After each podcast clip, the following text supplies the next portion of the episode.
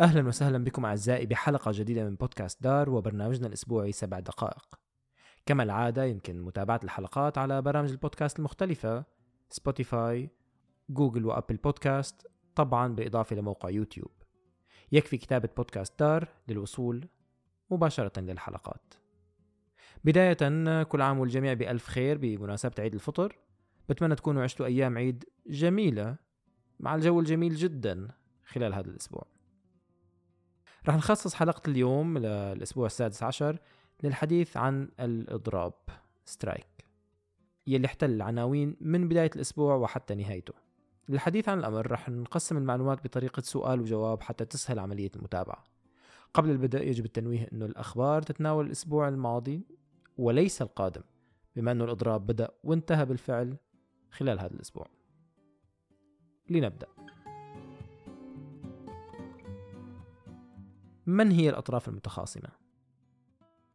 بالطرف الأول كان في عنا الاتحاد النرويجي لنقابات العمال LO وهي المنظمة التي تضم تحت مظلتها أكثر من 950 ألف عامل منتسبين لأكثر من 25 منظمة أكبرها هي الفاك فوربونا الخاصة بالعمال طبعا لم تكن LO لوحدها بل انضمت لها الاتحاد المركزي لنقابات العمال ES واللي بتضم حوالي 220 ألف عضو فبالطرف الأول كان في عنا LO ES لكن بالطرف الآخر كان في عنا المؤسسة النرويجية لأرباب العمل NHO وهي الأكبر من نوعها في البلاد لأرباب العمل وبتضم 30 ألف عضو. ما هو محور الخلاف؟ الحوار كان حول ال mellomoppgjør أو التسوية الوسيطة. لتبسيط ذلك يمكن القول أن المصطلح يناقش زيادة الحد الأدنى للأجور بما يتوافق مع التضخم الحاصل. طلبت كل من LO و YS انه تكون زيادة الأجور أعلى من الزيادة بالأسعار واللي تقدر بنحو 4.9% هذا العام. تقول Aftenposten انه منظمه أرباب الأعمال NHO اقترحت زيادة 5.2 ولكن 1.9% من هي الزيادة هي مكملات وسيطة يعني ليست زيادة ثابتة. وهي ما اعترضت عليه LO و YS. ماذا يحصل عند وقوع الخلاف؟ يحتكم المتخاصمين لما يسمى بال Riksmekler. بحسب ترجمة جوجل فهو أمين المظالم بإمكاننا نسميه الوسيط الحكومي. يبدأ الوسيط الحكومي بمحاولة تقريب المتخاصمين. قبل البدء بعمله يحدد المدة الزمنية المطلوبة لذلك. المدة الأولى اللي تم تحديدها كانت الثانية عشر مساء آه، ليل آه، يوم السبت صباح الأحد الماضي. بعد الانتهاء ودون الوصول لحل يقرر آه، فيما إذا كانت هناك حاجة لوقت إضافي. الوسيط الحكومي قرر الأسبوع الماضي الحاجة لبضع ساعات إضافية يوم الأحد. وفي الساعة الخامسة مساء أي بعد بعد حوالي 17 ساعة على دخول الوقت الإضافي خرج الوسيط الحكومي وأعلن أن الطرفين يقعان على خلاف شديد ومن الصعب إيجاد حل وسيط. ماذا يحدث عندها؟ عندها بدأ الإضراب رسميا. كانت ال أو و إي إس قد جهزت قوائم باسماء 25 ألف عامل سيتم دفعهم في الإضراب ابتداء من يوم الاثنين. المؤسستين اختارتا تشكيلة منوعة بحيث يقوم بحيث تقوم بإحداث شلل خفيف على صعيد حركة النقل كالبواخر التي تنقل الناس بين الجزر والمدن وما إلى ذلك.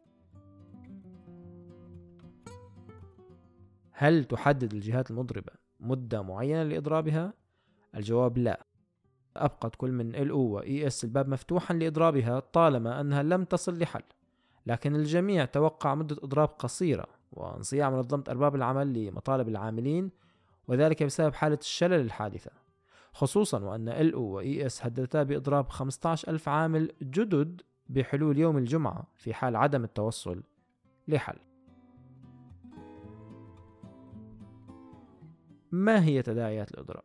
لم تتوقف فقط التداعيات على الجهات المضربة بل تعدتها لتصل لأماكن العمل المعتمدة على المضربين على سبيل المثال كان من بين المضربين الذين اختارتهم ال العاملين في مصانع البيرة والذي أدى إضرابهم إلى شلل حركة البارات بسبب نفاذ البيرة لديهم وهو الذي أدى بالكثير من ملاك البارات للإعلان عن نيتهم البدء بتسريح العاملين تحت ما يسمى بالبرميتارينج حالة الخمول الاقتصادي التي كانت آه، سيسببها الإضراب في حالة تصعيده قد تشابه الفترة التي تبعت وباء كورونا.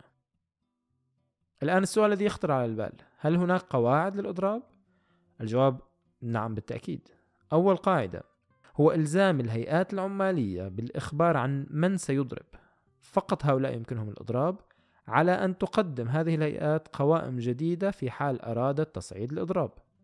القاعدة الثانية هي أن المضربين لا يحصلون على رواتب بل يتم آه، تعويضهم من قبل خزينة الهيئات النقابية التي تشرف على التي تشرف على إضرابهم. القاعدة الثالثة هي منع أرباب العمل من توظيف أشخاص جدد بدلاء للمضربين. في حال أقدم رب العمل على فعل ذلك فيسمى الأمر بسترايكابريتري متى يحق للحكومة التدخل؟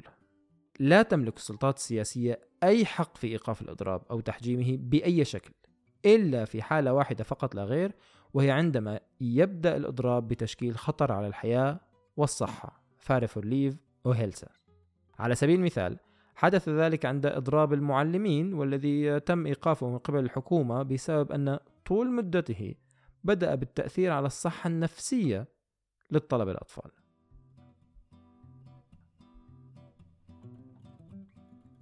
الآن في الختام كيف انتهى الإضراب؟ في ظهر يوم الخميس أي بعد مرور أربع أيام على الإضراب أعلنت رئيسة هيئة النقابات آه، العمال بيجي هيسن فلتفيك آه، عن إيقاف الإضراب بسبب توصل لنصر تاريخي حسب وصفها حيث تم إجبار هيئة أرباب الأعمال إنه على دفع الزيادة 5.2%